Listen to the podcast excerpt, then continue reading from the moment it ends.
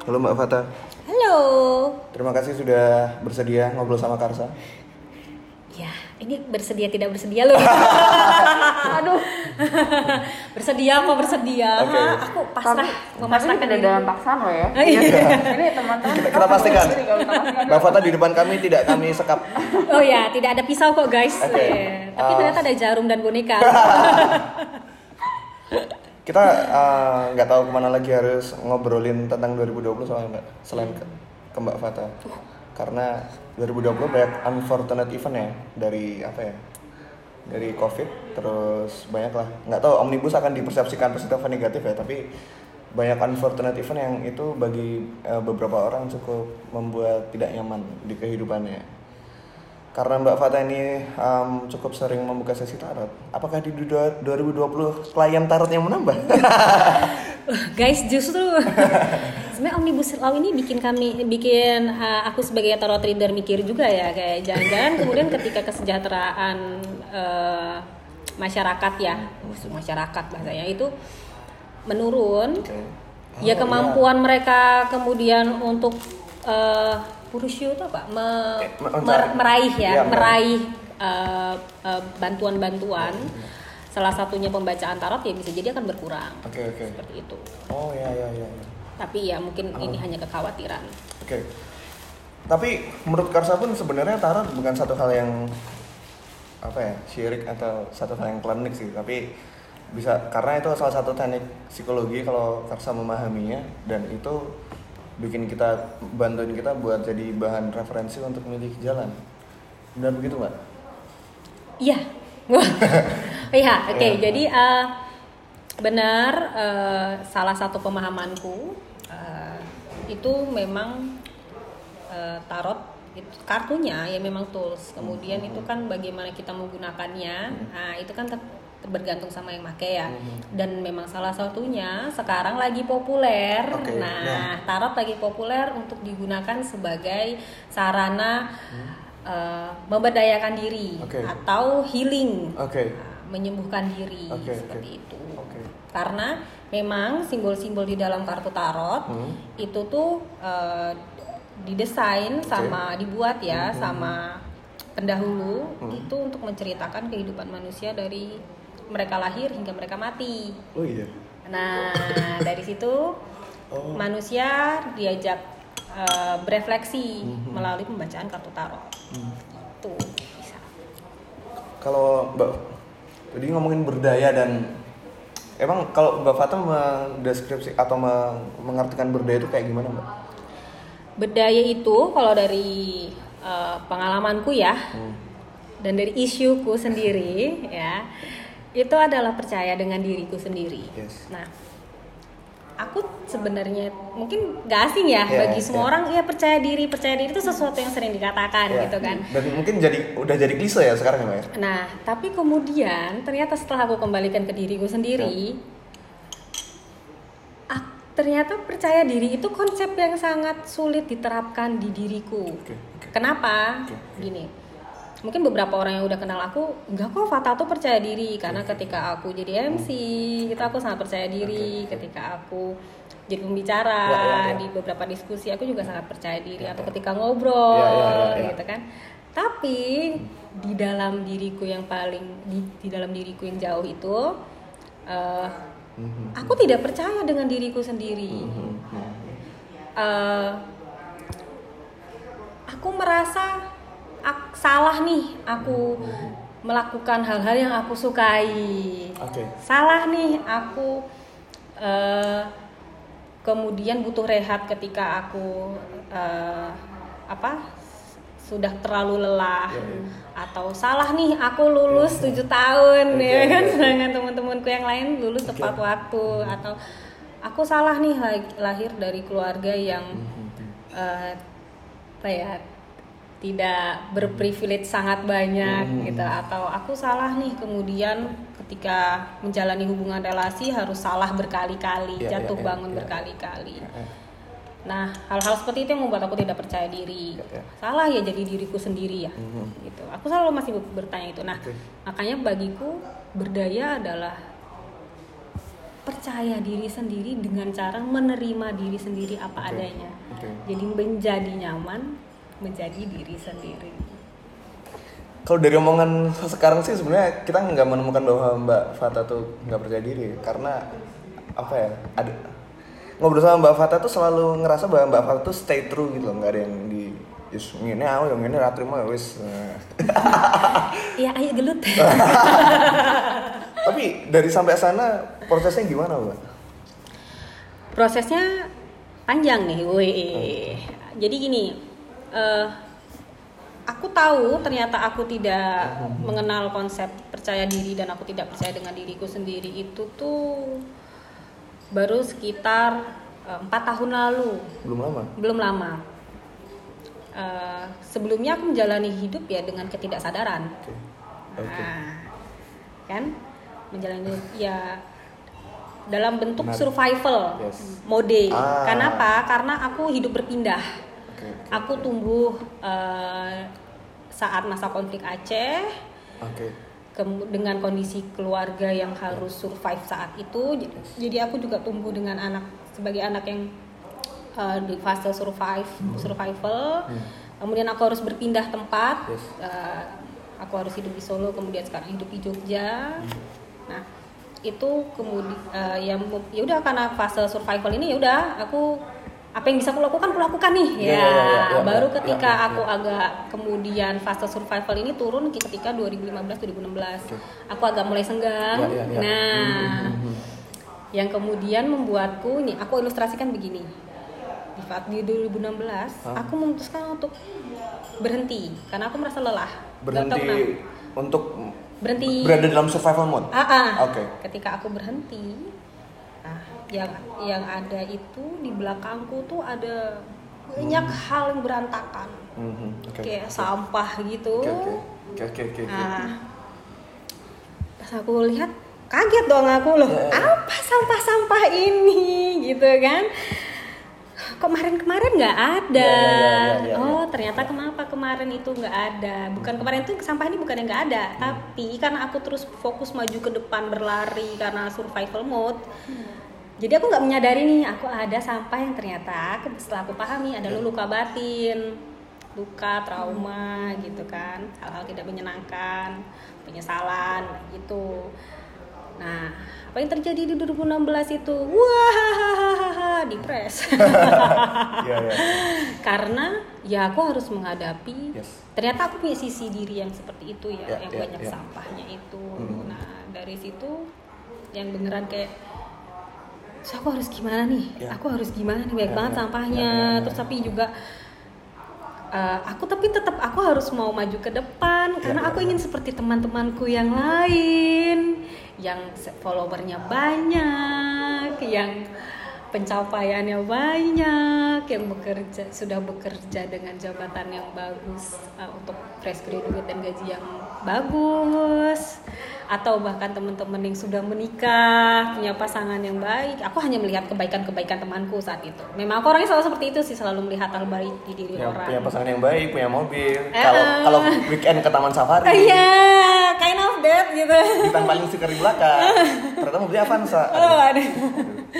nah itu terus aku tetap mau seperti itu tapi eh, aku nggak nggak tahu sih. Mungkin kehendak semesta juga ya. Akhirnya aku memutuskan udahlah aku berhenti memaksakan diri seperti teman-temanku aku akan fokus sama yang di belakang ini. Nah sejak itu aku berproses. Terdengar tidak mudah karena em, seperti menghilangkan standar-standar sosial udah nggak dipakai. Nah, iya, jadi kemudian eh ya aku hanya aku hanya fok- fokus ke diriku sendiri, tapi memang waktu itu masih berganti-ganti karena memang tetap Oke, ya, tetap oke. kehidupan keseharian tetap berjalan ya. Yang Ya. yang sebenarnya aku takutkan adalah begini.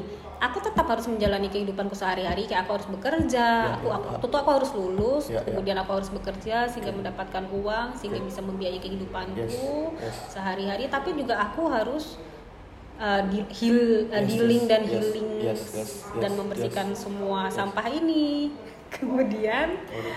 Uh, bagai bisa nggak sih? Kayak Ah. gitu. Ternyata ya bisa gitu. Memang ada beberapa hal yang harus aku lepaskan. Bukan beberapa hal banyak. Kemudian jadi banyak hal yang aku dilepaskan. Dan eh, aku nggak tahu ini kebetulan apa bukan tapi ya aku juga tidak percaya ada kebetulan. Nah di 2020 proses itu kemudian menjadi lebih cepat. Mungkin memang 2020 ya unfortunate event ya buat kita semua. Aku percaya kita semua. Ya. tapi eh, banyak yang bilang ya banyak yang bilang ya. Ini dari teman-teman yang Mbak Fata. Iya, baik dari sisi spiritual, sisi uh, terutama lebih ke sisi spiritual ya, humanismenya ya. Itu sebenarnya ini memang fase kita rehat.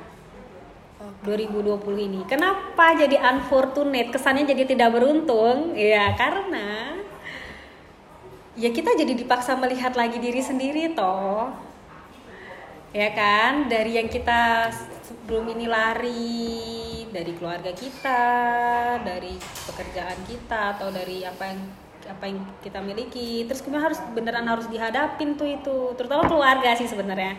Baik yang belum berkeluarga maupun yang sudah berkeluarga. Kalau yang belum ber- berkeluarga berpasangan kan berarti keluarga inti ya? Ya.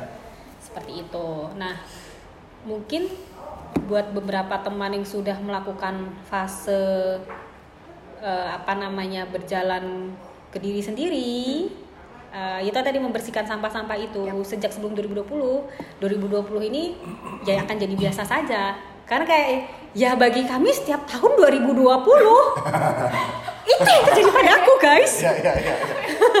Makanya kayak, oh iya ya ini another tahun-tahun menyeramkan itu. Berarti 2020 ini sudah berjalan 4 tahun ya? Iya. Dari 2016. Rasanya kayak gini. Iya. Aduh. Cuman bedanya kali ini disupport sama ya circumstance Ya, ya, gitu ya, loh. ya, ya, ya. Kalau kemarin tuh kami yang harus dealing dengan circumstance gitu loh. Ya, Tapi ya. kalau sekarang si circumstance-nya itu yang membuat kami mensupport itu semua. Gitu. Berarti aku jadi punya pertanyaan. Berarti eh, ketika oh, mungkin salah satunya adalah ketika tadi Mbak Fata bilang ketika Mbak Fata berhenti berlari, berhenti bergerak gitu ya. Eh, berarti aku jadi ingat sama jadi ada bukunya Sapiens udah baca belum ya? Oke ya itu. Jadi dia ngomongin soal gimana orang eh, orang-orang manusia purba eh, gimana manusia purba itu tuh dia pada eh, dulu kan pada bergerak. Jadi dia nomaden gitu kan. Nah terus kemudian ketika mereka mulai settle tinggal di satu tempat mereka mulai memunculkan berbagai macam hal yang walaupun eh, di bagian awal di situ eh, di buku itu dikasih tahu kalau sebenarnya ada hal negatif juga yang maksudnya ya ada pro and consnya lah ya cuman eh, di untuk konteks ini berarti eh, ketika kita mencoba untuk settle ketika kita mencoba untuk diam itu justru adalah momen di mana kita bisa berkembang lebih banyak lagi Ya, tapi perkembangannya nggak keluar. Oke. Perkembangannya di dalam. Mhm. Jadi. Gini, ketika aku diam itu suara-suara tuh muncul tuh banyak banget. Selain Oke. pemandangan mengerikan ya soal sampah-sampah itu sesuatu yang berantakan itu yang kalau nggak diberesin aku pasti nggak akan bisa berjalan ke depan. Eh, suara-suara itu tuh muncul tuh. Kamu nggak berguna. Kamu nggak berharga. Eh, kamu bodoh. Kamu tidak disukai karena kamu Ya, ya, ya, ya. Karena kamu belum punya pasangan, karena kamu tidak punya uh, circle sosial yang hipster gitu, asik lah, asik Iya, dan iya, keren iya. gitu kan, Iya, iya. karena kamu tidak punya pekerjaan dengan gaji yang oke dan pekerjaan di di tempat yang oke, gitu. Suara-suara itu muncul, kamu nggak berguna, kamu tidak dicintai, kamu tidak disayangi, nah suara-suara ini yang kemudian membuatku down toh. Karena selama ini ya ketika survival mode aku berusaha menunjukkan bahwa aku kebalikan itu semua. Aku aktif di komunitas ya kan? Eh, aku eh, selalu eh, berusaha selalu membantu orang lain. Aku eh, bersekolah atau kerja freelance di tempat-tempat yang menurutku eh, ya sebenarnya itu namanya memiliki nama yang baik. Hmm. tapi ternyata suara-suara itu tuh meruntuhkan itu semua. Enggak. Enggak. Kamu tuh bukan siapa-siapa. Kamu nggak ada artinya. Nah itulah kenapa orang takut diam. Itulah kenapa orang takut meditasi. Meditasi kemudian kan kita hanya duduk hening kan? Hmm. duduk diam yang mengamati pikiran yang mana pikirannya itu semua muncul. Set gitu dan yang mana justru kita sendiri tuh yang adalah orang paling jahat buat diri kita sendiri. Nah dan kita juga jadi tahu ternyata itu tuh sebenarnya itu tuh sebenarnya suara dari dalam diri yang memanggil kita untuk menyelesaikan itu semua. Hmm. agar kita menjadi pribadi yang eh, berdaya. Nah pribadi yang sembuh. Eh, heal healing healing di bahasa Indonesia kan jadi agak aneh ya sembuh Iya, ya kesannya iya. sesuatu sakit itu salah. Nggak juga sebenarnya ya maksudnya heal gitu. Nah jadi kemudian itu tadi ketika kita ajak duduk nih suara-suaranya gitu kan satu-satu nih kita urai gitu kan Nah, perkembangan itu ke dalam. Yang memang orang nggak akan melihat kita punya pencapaian apa. Gitu. Tapi kita sendiri yang kemudian merasakan aku sekaya itu ya sekarang. Eh, yang mana ya memang nggak akan bisa divalidasi oleh orang lain. Padahal selama ini aku tumbuh dengan selalu ingin divalidasi. Makanya aku melakukan itu tadi semua itu tadi. Itu. tapi ketika aku udah nggak mendapatkan validasi itu karena aku udah nggak melakukan lagi hal-hal yang dulu aku lakukan aku bingung tuh aku nyari validasi ke mana nih oh baru ngeh aku. Ternyata yang aku butuhkan validasi dari diriku sendiri. Aku eh, merasa banyak proses-proses perinak penerimaan yang terjadi ya mbak. Tapi baga- eh, bagaimana mbak Fata? Aku jadi penasaran pandangan mbak Fata tentang fake it until you make it aku ki aslinya radong Kui ki ki apa sih artinya jadi teruslah berpura-pura sampai kamu menjadi sesuatu yang kamu pura-pura itu. Oh. Pura-pura baik-baik saja sampai kamu benar-benar baik-baik saja. Nah. Oh. pura-pura kaya sampai kamu benar-benar kaya. Tenanan Eh, kaya. Nah, itu menurutku tuh lebih ke sugesti ya. Maksudnya oke oke. maksudnya berpura-pura itu eh, leb- afirmasi positif? Ya lebih ke sebenarnya pada berpura-pura mending memang kita terus menerus mengafirmasi aja. Karena tujuannya Ah, sebenarnya buat iya. sugesti toh iya. to you make it itu aku bacanya Oke. lebih ke fungsinya sugesti. Tapi kenapa nggak memang kenapa nggak diubah aja sugestinya jadi lebih to the point aja? Oke oke. Yes you can do it gitu. Ya ya ya tapi nah ada tapi juga. Tapi juga gini kenapa lebih baik to the point afirmasinya? Supaya kita tetap eh, menjejak tanah fokus sama realita dan men- mampu menerima realita. Mampu menerima proses sekarang masih berjuang untuk menggapai itu. Betul. Karena eh, ternyata menerima realita itu tidak mudah. Ketika kita berada bukan berada di mode survival. Ya, ya, bukan berada di mode perang lagi fight or flight tadi. Ketika kita berada di mode berkesadaran itu eh, apa namanya Oh my god, Mercury retrograde, aku jadi blank. Iya ya sedang sedang terjadi sedang terjadi sedang terjadi saya berpura-pura ya, oke, Ya. Oh, tidak fokus sama realita, oke, Ya, sip. ya, ya. oke. Jadi gini, eh, karena realita tuh selalu membuat realita selalu menarik kita untuk merasakan luka, rasa sakit, apa pun yang tersasa saat itu. Sedangkan kalau kita tidak menerima realita, kita nggak perlu merasa sakit. Padahal rasa sakit adalah rasa yang kita, selalu kita hindari. Kita selalu dididik bahwa menjadi salah itu salah, yes gagal itu salah, menangis itu salah, terutama bagi laki-laki, iya iya iya gitu kan? Bahwa patah hati itu kayaknya salah, Ya. gitu. Wah, apalagi masuk sesuatu yang tidak nyaman deh, Mhm. itu tuh salah. Padahal ya ora. Nah, itu tadi eh, tidak fokus sama reali realita ya berpura-pura itu tadi akan membuat kita itu tadi mengabaikan rasa sakit yang mana padahal itu bisa jadi pembelajaran penting itu sih Dari 2020 yang sudah terjadi empat tahun di Mbak Fata. Apa saja yang Mbak Fata lakukan untuk melalui proses itu Mbak? eh pertama seeking help ya Oke.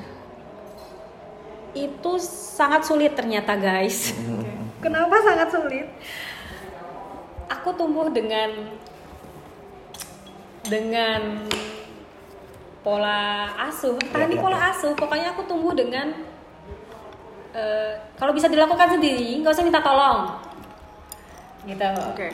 nah gitulah Banyak terjadi. Nah, makanya ayo aku lakukan semua sendiri gitu kan. Hmm.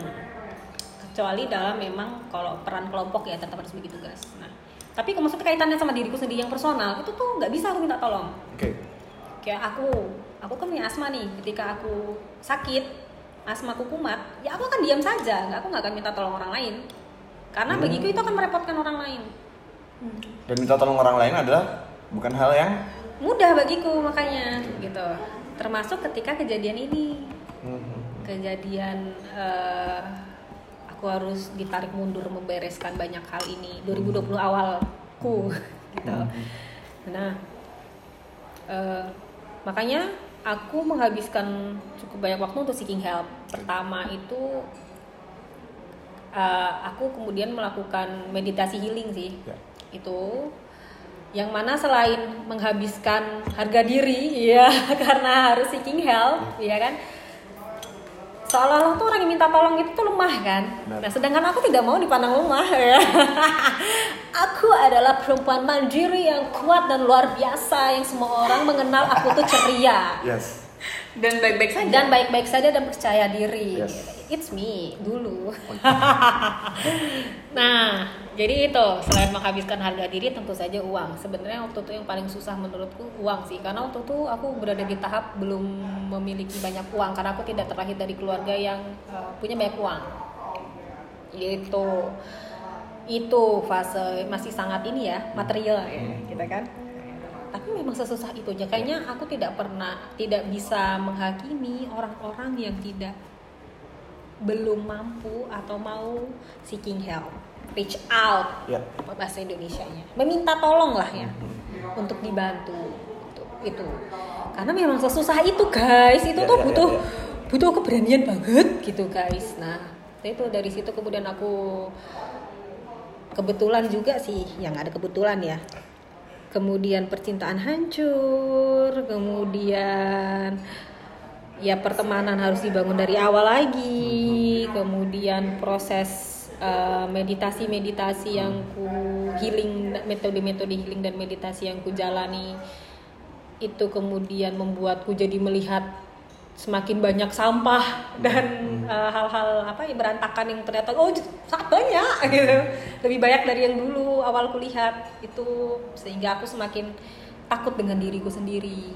Aku semakin tidak yakin bahwa eh, ini sebenarnya bisa selesai nggak sih Ya, gitu ya. kan kan Ada endingnya nggak sih? Ya, ada endingnya nggak sih? Gitu. Berkali-kali memang iya putus asa juga karena itu tadi kok nggak selesai-selesai. Kok selalu ada luka baru yang muncul. Kok ya kalau dihitung secara materi sudah habis sangat banyak gitu kan.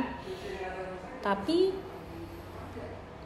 dan gini inner work kalau bahasa kalian inner work ya Ah, itu tadi proses berjalan ke dalam diri menyelesaikan hal-hal berantakan ini yang berujung pada penerimaan diri ini ya it- karena dia tidak bisa tertarget ya jelas bentuk jelas hasilnya gimana ya kan? Oh, nggak ada KPI-nya. nah benar-benar gitu kan? Dan gak ada SOP-nya pula sebenarnya gitu kan?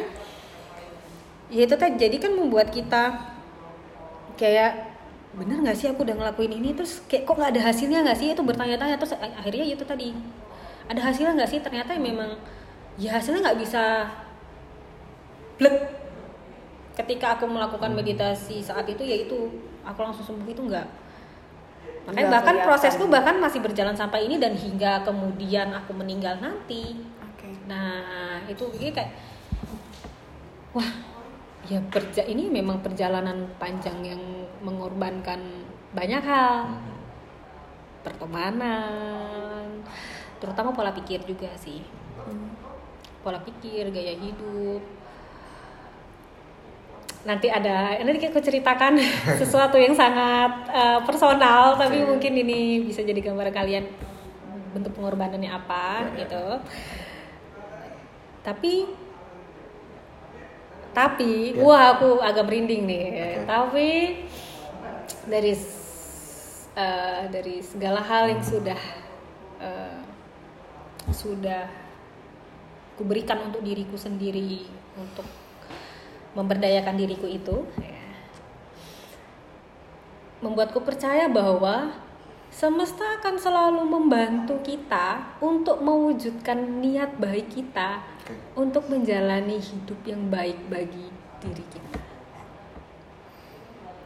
Aku bisa dipertemukan kemudian dengan orang-orang yang membantu proses ku berjalan ke dalam diri ini kemudian aku bisa ada materi untuk membayar eh, segala proses ini dan aku bisa punya cukup energi dan support system untuk proses yang mendukungku di proses ini.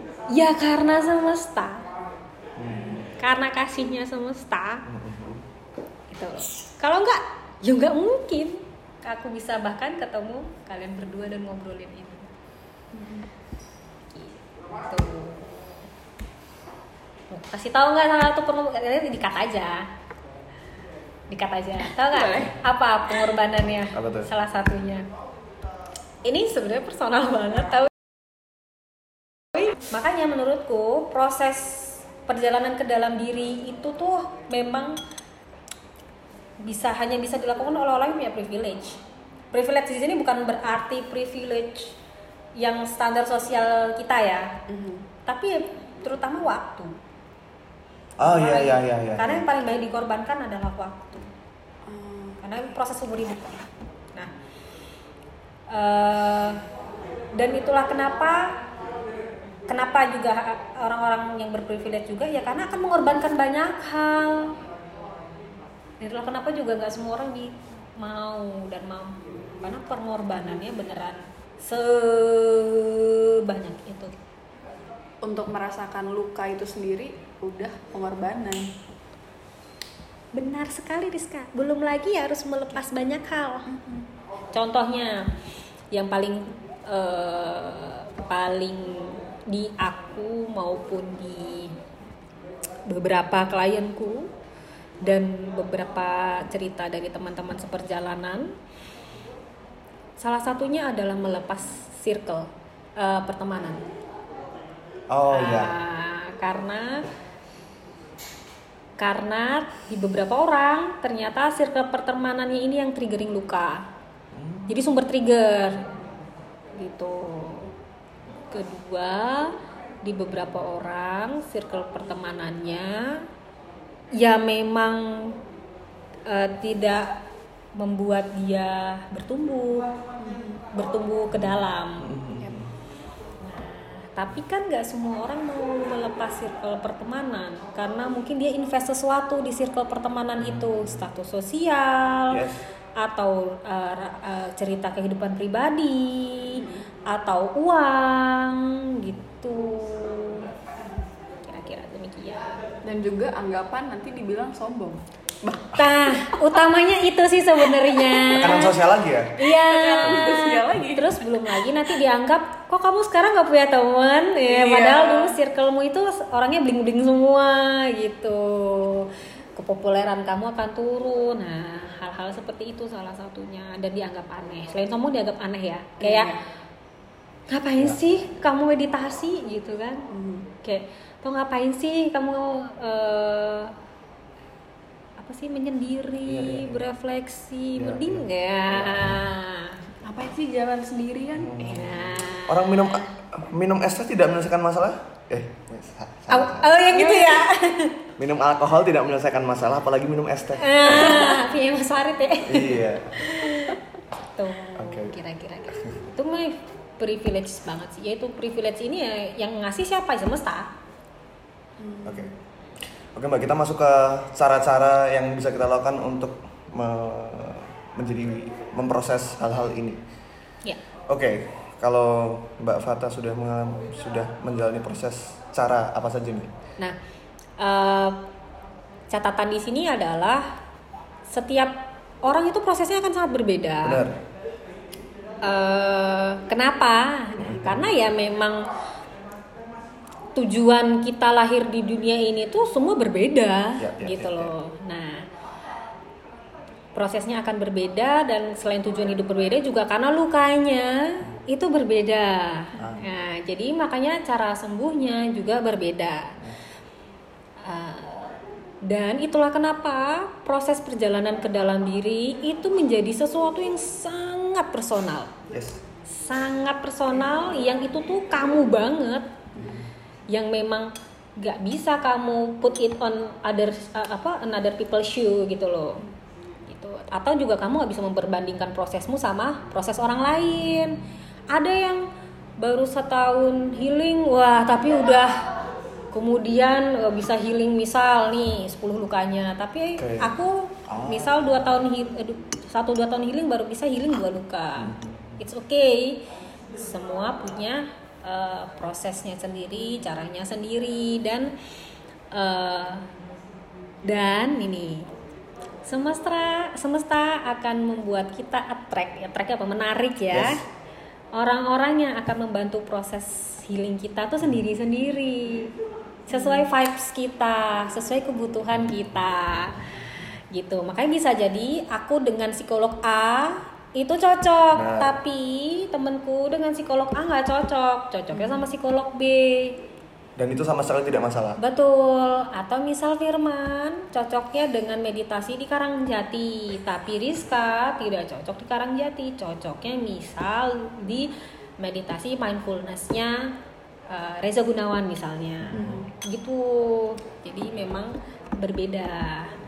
Tapi eh, dari prosesku dan kemudian eh, garis merah yang ku amati dari teman-temanku juga teman seperjalananku. Yang pertama itu tentu adalah keinginan untuk seeking help. Ya. itu yang utama banget harus ada. Mhm. kemauan itu harus muncul dari diri sendiri Oke. bukan dari uh, orang lain. Karena yang mau berdaya siapa? Ya diri kita sendiri kan Berarti sadar dulu dong. Ah butuh ya Kak? nah betul. Sadar kalau kita butuh. Nggak malu mengakui kalau kita butuh bantuan. Itu penting banget. Nggak malu mengakui bahwa ya kita nggak baik-baik aja dan itu nggak apa-apa. Itu. Itu seeking help tuh ke situ. Yang kedua itu tadi mengakui. Eh, mengakui bahwa nggak apa-apa kita nggak baik-baik saja bahwa kita butuh ini semua gitu dan mengakui bahwa ya nanti berujung mengakui bahwa ya memang jalan hidupku berbeda kok dengan jalan hidup teman-temanku Ya. Nah, karena PR-nya berbeda. Benar. Itu tadi PR lukanya maupun PR kenapa alasan kita hidup di dunia ini juga berbeda. Hmm. Gitu. Nah, setelah itu kalian pasti akan dapat semangat tuh kemudian baru muncul tuh semangatnya muncul lagi untuk oke, mulai dari mana nih? Yep. Nah, mulai dari mana? Buat yang beneran bingung banget dan mungkin tidak begitu mempercaya internet karena selain informasinya terlalu banyak atau memang juga ya karena nggak percaya aja dengan data yang ada di internet mungkin bisa bertanya ke teman yang sekiranya itu memahami bidangnya. Misal nih kalau punya teman-teman anak psikologi gitu gitu itu bisa ke situ. Jadi enaknya aku gimana ya ngobrol. Terus kedua eh, mungkin bisa mulai dari membaca buku-buku sekarang nih. Ya itu udah mulai banyak tuh kan buku-buku berbahasa Indonesia yang dibahas dengan cara asik ngomongin luka Oh. udah mulai banyak tuh yang dikejar psikologi terus dari bunda dan beberapa buku-buku lain. Itu bisa dari situ juga buat teman-teman yang baca buku bisa mulai dari situ. Nah sebelum sambil nabung. Nah sambil nabung memang nggak bisa dipungkiri ini tuh akan mengeluarkan banyak uang. Tapi ya ada tapinya. Eh, tapi sebenarnya ini investasi kok.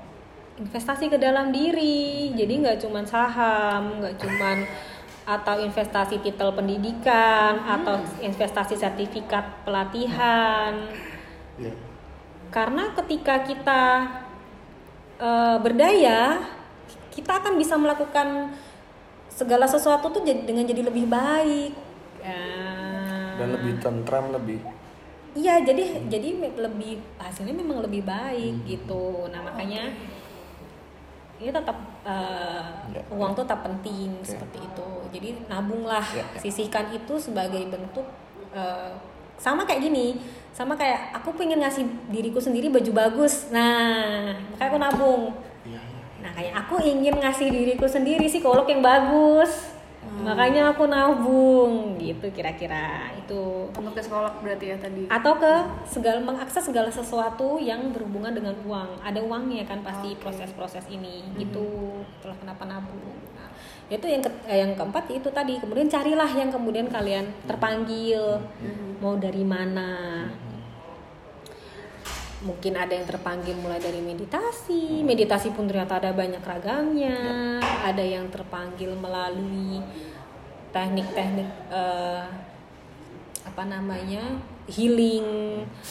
Ada yoga kemudian ada TAT adalah? apa sih yang menekan bagian tubuh untuk merilis emosi Oh. sama yang kayak Reza Gunawan itu. Oke. Nah, atau JSJ, JSJ juga kalau ini uh, uh, merilis tekanan di tubuh uh, Mbak Diwin itu. Atau itu yang ini ya itu untuk yang uh, metode healing.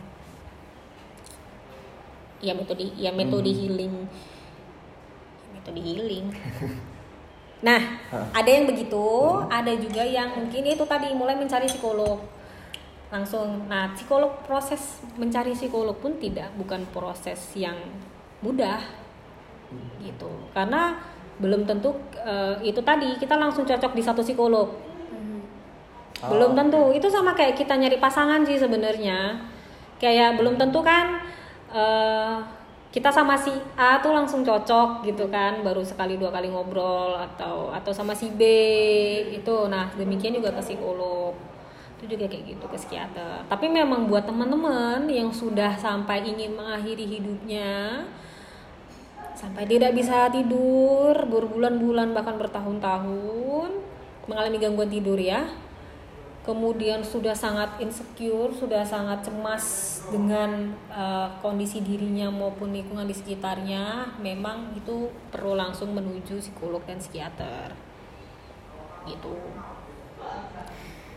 Tuh dan kemudian juga uh, nanti ada metode-metode pendukung lainnya. Nah kalau yang uh, aku lakukan itu salah satunya selain aku ke psikolog selain aku ke psikolog itu aku melakukan meditasi. Itu pun berbagai jenis meditasi. Kemudian eh aku melakukan yoga juga. Yoga mencari mencari guru yoga itu juga proses sama kayak cari psikolog.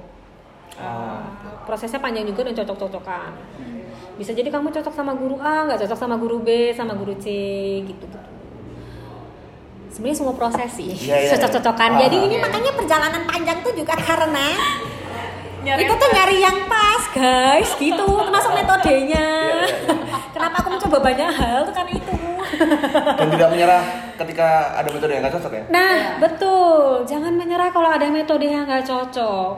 Jangan pernah. Karena memang bisa jadi ya nggak bisa dengan cara itu, metode itu. Karena lukanya butuh treatment yang lain. Atau jangan-jangan nggak cocok sama gurunya aja. Nah, gitu. Terus juga ada kemudian kita mengena kemudian pembacaan tarot. Hmm. Kalau di aku memang aku menggunakan pembacaan tarot buat healing. Dalam arti di sini gimana? Gimana sih gitu kan. Padahal selama ini kan dikenalnya untuk membaca masa depan aja tuh. Iya. Ya kan? Gimana sih caranya kok bisa buat healing? Caranya dengan tidak mempertanyakan masa depan. Wah susah kan?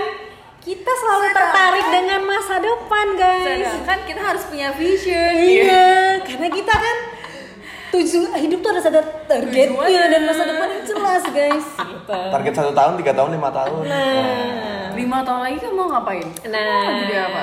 gitu kan. Jadi fokus, nah terus kemudian pembacaannya bisa digunakan untuk cara uh, apa?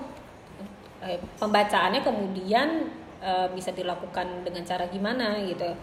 Ya dengan mempertanyakan diri sendiri masalah yang saat itu dihadapi.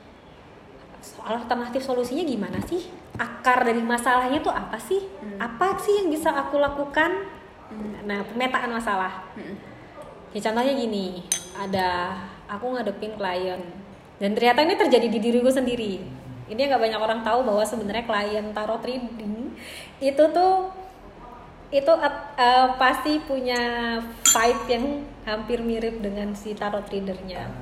Jadi aku klien yang datang itu adalah dia bertanya-tanya, kenapa sih aku sampai sekarang belum punya pasangan? Oke. Gitu. Padahal aku sudah mencoba setelah dicek ya kan dia sebenarnya bertanyanya gini jodoh saya siapa tapi kemudian saya tapi sebenarnya iya kan karena itu lebih mudah sebenarnya kan Iya, iya. Ah, temen aku bilang gini bagaimana kok pertanyaan diganti kenapa sampai sekarang belum bisa menemukan pasangan yang tepat setelah dicek karena belum move on guys. Sering Ter- terjadi. itu terjadi juga pada saya guys. Jadi saya "Hmm, kenapa nih saya belum dapat dapat yang oke? Oh saya belum sendiri belum move on. Nah itu. Dan salah satunya bisa gitu ny- nyari akarnya. Bacaan tarot bisa dipegang dengan cara seperti itu. Nah kemudian kalau di yoga nih nah, di yoga kalau di yoga aku belajar dari uh, guruku namanya Mas Lilo Hmm. dan Mbak Dani eh, itu ternyata tubuh itu menyimpan luka. Oke, oke. Tubuh tuh sang- eh, sangat sensitif. Dia menyimpan banyak hal. Dia memiliki ingatan, cara mengingatnya sendiri, ya kan? Jadi ada hal-hal yang itu tuh ingatannya nggak terekam cuma di otak, tapi juga terekam di tubuh. Nah, prosesku beryoga kemarin itu memanggil kembali luka-luka yang kusimpan di tubuhku. Kok bisa? Karena yoga itu mengolah seluruh bagian tubuh. Oke. Gitu. Luka-luka yang kesimpan di badan tuh Hmm, contohnya hmm, gimana? Contohnya, wah ini sangat personal tapi Oke. mungkin bisa jadi eh, cerita bagi teman-teman juga. Jadi ada satu bagian di tubuhku yang hanya disentuh oleh eh, mantanku, mantan pacar. Kalau mantan gebetan banyak ya lu. Baru gebetan udah mantan nih gimana? Oh iya ya. Oh iya ya. gitu ya Ah, sama si mas ini satu bagian di tubuhku itu di eh sini tuh apa namanya nih Eh, pung- Sendi. punggung deket tang dek mau kelengan gitulah Di sendinya. iya pokoknya titik meridian sebenarnya nah karena Entong-entong. nah bahasa Jawanya itu kira-kira guys Entong-entong guys. Nah, itu karena dia selalu minta aku mijitin dia di bagian itu. Dan aku pun akhirnya dipijitin di bagian itu juga karena dia butuh nunjukin ke aku ini loh kalau mau mijitin aku tuh di sini. Nah, ketika aku yoga ada satu proses yang kemudian itu men- eh, apa menekan titik itu pakai namanya tr- eh, trigger point bola kayu gitu di yoga yin yoga waktu itu sesinya langsunglah saya menangis. Wah, bukan karena sakitnya karena teringat. Nah tubuhku tuh langsung membawaku keingatan si mas ini. Yang mana memang aku punya urusan yang belum selesai dengan mas ini. Itulah maksudku kenapa tubuh. Termasuk ketika aku aku anyang-anyangan sempat anyang-anyangan. Nah eh, sekarang udah enggak sejak aku di Jogja? Aku anyang-anyangan kita, kita di lapangan aja. Toto ada tugas penelitian. Nah yoga juga memanggilku beberapa gerakannya itu memanggil kembali bahwa oh iya ya aku pernah anyang-anyangan loh rasa sakitnya di sini. Oke. Nah, itu. Makanya eh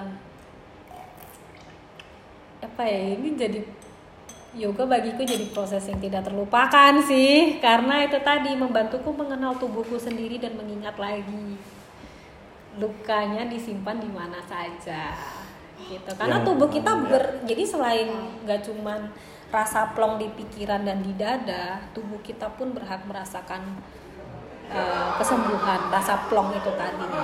Tuh terus apalagi kalau meditasi itu tadi membawaku mengenal pikiranku sendiri membawaku bersahabat dengan suara-suara yang berkata aku tidak mampu, aku tidak berharga, aku tidak layak dicintai, aku jelek. Suara-suara itu membawaku berteman dengan mereka. Karena kemudian jadi kuajak duduk kan mereka, aku tanya, kamu tuh ngomong gitu tuh kenapa ya? Contohnya, ya kan? Aku nggak berharga. Suara itu bilang, kenapa sih kamu ngomong kalau kamu tuh nggak berharga, kalau aku tuh nggak berharga? Kenapa kamu ngomong gitu? Oh, ternyata setelah digali, karena eh, penyesalan-penyesalan yang aku lakukan, eh penyesalan yang aku lakukan, hal-hal yang aku lakukan yang membuatku kemudian menyesal.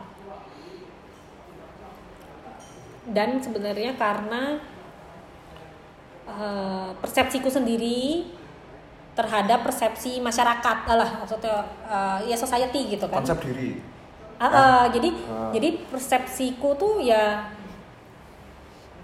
ya kalau kamu udah melakukan kesalahan itu ya kamu jadi nggak berharga lagi Mhm. orang tuh harusnya nggak melakukan kesalahan Oke. gitu loh makanya kan kemudian ada penyesalan karena itu kan karena ya nggak mau mengakui kalau udah melakukan kesalahan padahal ya kesalahan ya nggak apa-apa ya proses belajar Berarti kayak konsep-konsep diri yang dibawa Mm-mm. yang itu akhirnya diproyeksikan keluar ataupun ke dalam.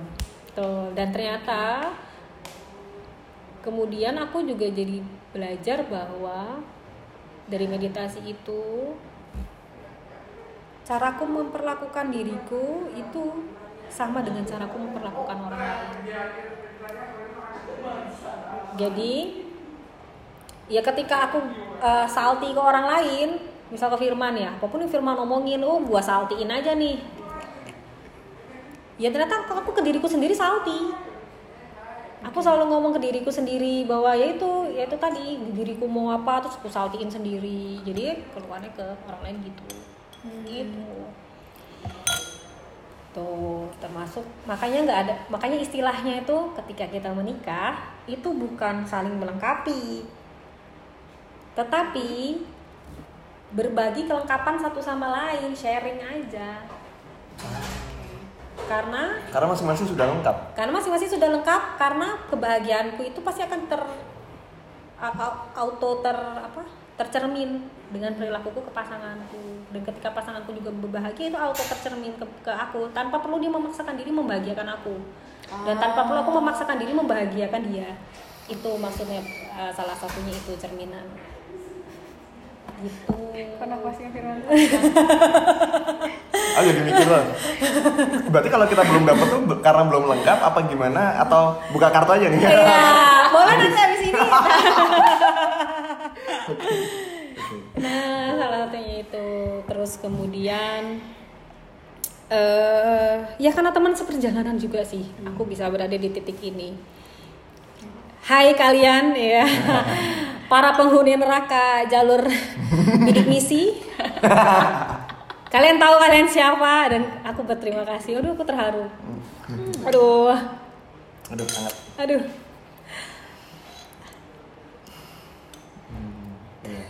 Terima kasih udah jadi support sistemku. Ya sebenarnya termasuk kalian berdua sih, Firman dan Rizka.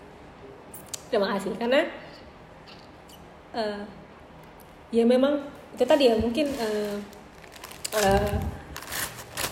apa, hmm, salah satu berkatnya sebenarnya bukan hanya kesembuhannya ya, kan tujuannya adalah kesembuhan kan healing dan berdaya tadi tapi eh, bagiku salah satu berkat terbesar itu adalah ketika bisa terhubung dengan orang-orang yang eh, mensupport perjalanan kita dengan tulus. Orang itu nggak banyak. Ya ini penghuni neraka jalur bidik misi ini nggak banyak mereka. Kalau Ya jangan banyak-banyak ya guys. itu itu itu aja udah gak muat rakanya isinya kita. Ya. kami, kami jalur undangan, Mbak. kita didatengin. lebih Satu-satunya undangan yang kita dapat itu cuma Iya, ini iya, doang. bener. Bukan universitas. Ah, bener bener bener bener bener. Lulusnya kumlot lagi. Lulus dari neraka kumlot. Karena kita kan katanya masuk surga kan setelah dari neraka, nah kita kumlot. Diubah. Iya, saking menguasai semua kejahatan dan Iya, iya. Nah karena tanpa mereka eh, tentu aku nggak mungkin berada di titik ini sih. Karena kami saling berbagi sharing saling berbagi eh, cerita dan kekuatan tanpa perlu dibuat-buat ya dengan menjadi diri kami sendiri. Dan mereka membuatku menyadari bahwa ternyata nggak salah ya jadi diri sendiri. Itu bukan sesuatu yang salah. Itu jadi eh, buat kalian yang udah punya support system eh, yang mendukung kalian untuk selalu bertumbuh dan bangga ketika melihat kalian menjadi diri kalian apa adanya jaga orang-orang itu. Karena bisa jadi itu bukan sekedar berkat dari semesta ya kalian bisa dipertemukan dengan mereka tapi juga bisa jadi karena karma baik yang pernah kalian lakukan di kehidupan kalian yang dulu dan sekarang yang membuat kalian bertemu dengan mereka. Jadi bisa jadi itu teman jiwa kalian. Gitu. Jadi yang pertama bukan cuma fisik kalian tapi jiwa kalian. Oke. gitu. Mungkin itu mungkin kalau kalian kemudian bertanya-tanya iya ya kalau aku sama dia kok bisa seklik ini ya? Kemudian aku bisa jadi diriku sendiri bisa jadi senyaman ini bisa ada pertukaran pikiran yang kemudian sangat equal gitu kan?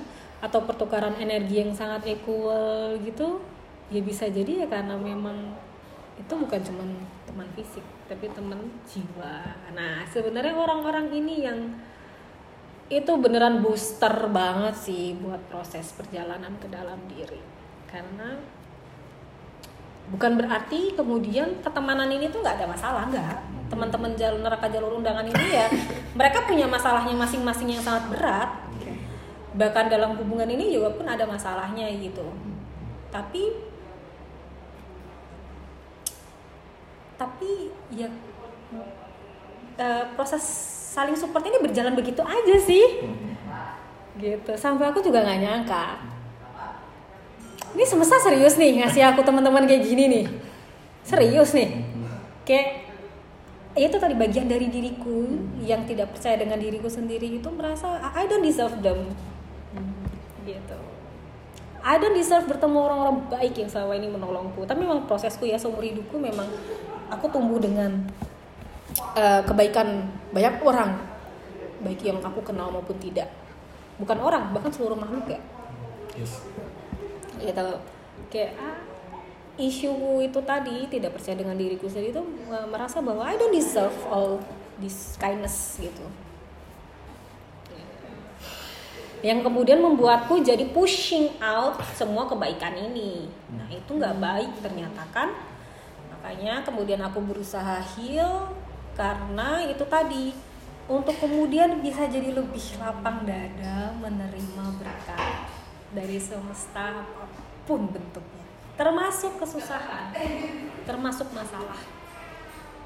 Nah itu tadi. Rasa sakit itu nah kemudian dari proses ini juga aku belajar bahwa rasa sakit itu ternyata penting. Memang harus kita rasakan. Aku selalu berpikir bahwa kenapa sih harus ada rasa sakit? Kenapa harus ada rasa nggak enak? Kenapa aku harus miskin? Gitu kan tapi ya ternyata memang itu bagian dari pembelajaran. Ya aku harus mengalami itu semua supaya aku kaya. Kayak pengalaman kayak rasa kayak pembelajaran. Itu sampai sekarang aku masih merasakan hal-hal tidak enak. Karena mungkin orang-orang berpikir bahwa bukan orang-orang ya eh, mungkin ada yang berpikir bahwa oh berarti kalau kita udah masuk ke fase perjalanan ke dalam diri ya hanya hal-hal baik yang akan kita temui kedamaian pencerahan dimensi ketujuh Ke mana-mana ada burung suara burung. Nah, itu kan enggak juga. Ah, justru ah, itu tadi pertumbuhan itu tuh ah, dan kesembuhan itu hadir di ketika kita mengalami kesusahan. Itu. Yes.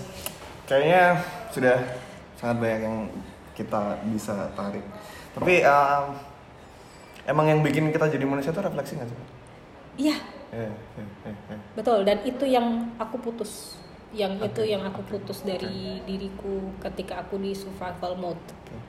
Oke. dan hingga saat ini aku masih berusaha juga untuk berefleksi karena aku selalu merasa bersalah ketika berefleksi karena kayak aku membuang waktuku padahal waktu adalah uang Wah, tapi ternyata ya ya memang untuk diriku sendiri butuh uang yang banyak ya karena aku seberharga itu aku akan meluangkan waktu sebanyak itu juga. Oke. Oke. Oke.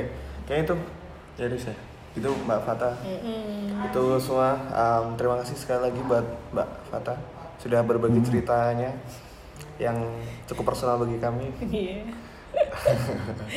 cerita yang sebenarnya aku juga nggak nyangka bisa aku ceritakan oh iya. di titik ini dan bisa aku alami. Aku nggak pernah kebayang akan berada di titik ini. Oke. Orang di wawancara apa di podcast sama Mbak Ajeng aja. Ya, ya. Salah satu yang membuatku berproses juga Mbak Ajeng itu juga aku nggak nyangka akan berada di titik itu. Iya. Oke. Karena kita juga nggak akan tahu ke mana endpointnya kita dan prosesnya kayak gimana. Jadi intinya dijalanin aja. ya. Betul. Oke. Dan diri kalian itu sangat berharga. Diri kalian sangat berharga, itulah kenapa kalian deserve untuk berdaya. Berdaya menurut cara pandang dan definisi kita sendiri. Iya, Bukan berdaya. definisi orang lain. Iya, berdaya dengan men- nyaman menjadi diri sendiri. Karena 2020, nggak cuma 2020, entah di tahun berapa, kalian akan dibawa ke titik ini lagi, tidak memiliki apa pun. Kan corona membuat kita tidak memiliki apa pun ya, banyak yang kita lepaskan. Nah, ketika semua itu tidak ada, lalu kita siapa? Masihkah kita berharga? Ya, masih kalau aku, bisa bilang itu. Kalian disayangi dan kalian banyak yang menjaga, terutama leluhur kalian. Dan percaya kalian tidak sendiri dan semesta selalu membersamai kalian.